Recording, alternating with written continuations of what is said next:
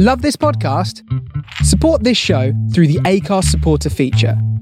It's up to you how much you give, and there's no regular commitment. Just hit the link in the show description to support now.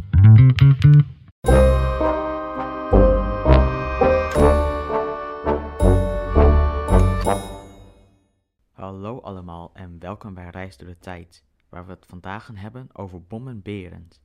Als Groninger moet ik dit verhaal wel vertellen, want met het Gronings ontzet wordt gevierd dat de stad Groningen in het rampjaar in 1672 het beleg van de bisschop van Münster had doorstaan.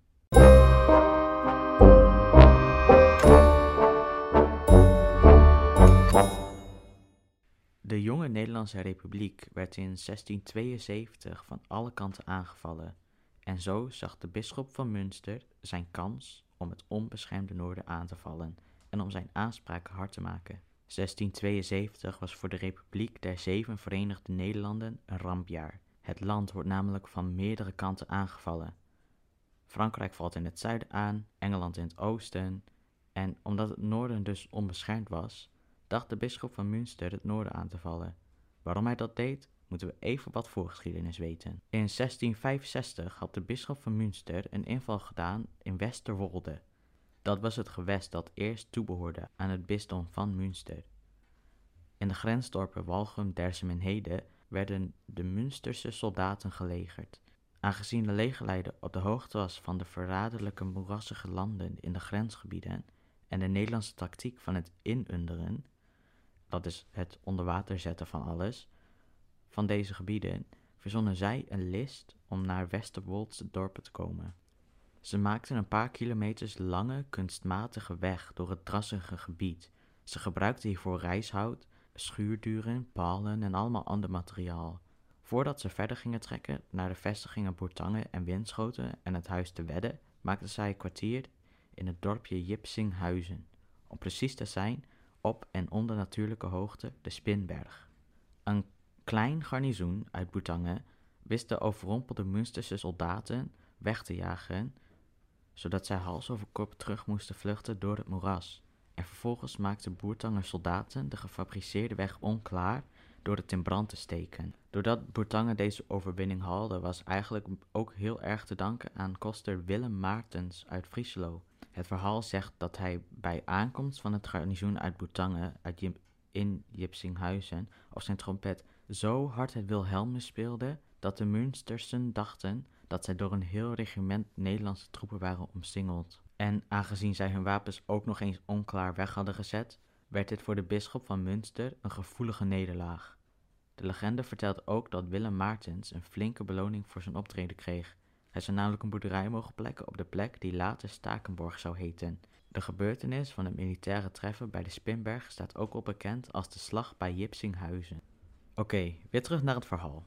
De bisschop van Münster heeft al verschillende steden in Overijssel in handen en hierdoor valt hij zonder al te veel moeite Koevoorde binnen.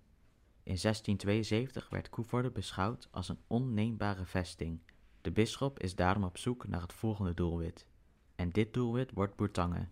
Deze plaats is interessant voor hem omdat het langs een belangrijke toegangsweg naar Groningen ligt. Boertange is bereid op de komst van de bisschop en heeft 200.000 kogels klaar liggen voor het leger van de bisschop. De bisschop had hier alleen geen antwoord op en moest dus om die reden de aanval na een paar dagen al opgeven. In Groningen had Karl van Rabenhout de leiding over de Groningse verdediging. Rabenhout was een ervaren militair en hij wist dat de bisschop, ondanks zijn nederlaag in Boetangen, er alles aan zou doen om Groningen te veroveren. En van Rabenhout had gelijk.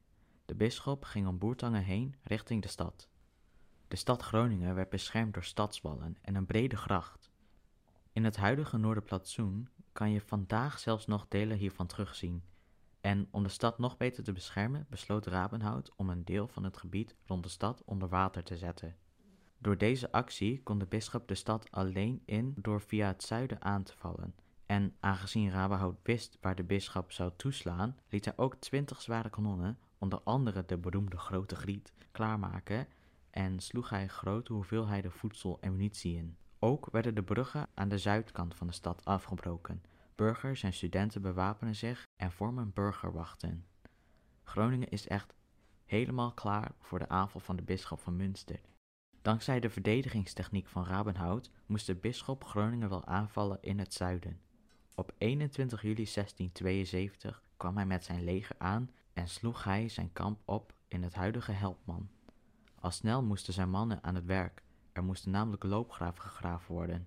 Op deze manier wilde de bisschop zo dicht mogelijk bij de stadswallen komen. Na zes dagen is het leger eindelijk waar ze willen zijn. De stadswallen zijn nu namelijk op schietafstand. Op 27 juli begint de bisschop met het aanvallen van de stad. En hij doet dit door de stad te beschieten met kanonnen. Door deze tactiek heeft de bisschop zijn bijnaam gekregen, Bommenberend. Bijna een maand lang werden de Groningers onophoudelijk beschoten met kanonskogels en keien en brandbommen. Het zuiden van de stad raakte zwaar beschadigd en veel burgers vluchtten naar het noorden van de stad. Zo zijn ze buiten het bereik van de kogels. Bommenberend, oftewel de bisschop van Münster, ziet ook dat de stad zwaar beschadigd is. Zal het hem dan toch lukken om Groningen te veroveren? Maar dan begint het een lange tijd te regenen en door die vele regen werden er veel mannen van de bisschop ziek. De bisschop vroeg om versterking vanuit Keulen. Hij zal en moest de stad innemen. Maar toen kwamen er geen versterkingen. De bisschop leed zware verliezen en zijn manschappen begonnen teleurgesteld en ontevreden te worden. En op 25 augustus in 1672 neemt het kanonvuur af. Na twee dagen durfden er een paar dappere Groningers zich ten zuiden van de stadswal te begeven. Ze slopen naar de loopgraven en tot hun grote verbazing zagen ze dat de loopgraven leeg waren. Gaf het grote leger van de bisschop het dan echt op? Op 28 augustus in 1672 vertrekt het leger van Bommenberend en is Groningen ontzet. De Republiek der Zeven Verenigde Nederlanden werd van verschillende kanten aangevallen in 1672 en heeft dus overal zware verliezen geleden. Maar Groningen bleef volhouden en dit moest gevierd worden. Niet alleen voor Groningen, maar voor de hele republiek was het belangrijk dat Bommenberend Groningen niet in handen kreeg. Als het hem gelukt was, dan kon hij doorstoten naar Friesland en dan had de Amsterdamse handelsroute in gevaar kunnen komen.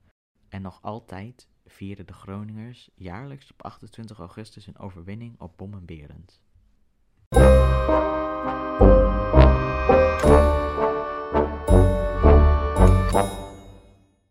Dankjewel allemaal voor het luisteren. Als jullie reviews willen achterlaten en deze podcast willen delen, zou me dit heel erg helpen. En ook ben ik op alle socials te vinden als Reis door de Tijd. En tot volgende week.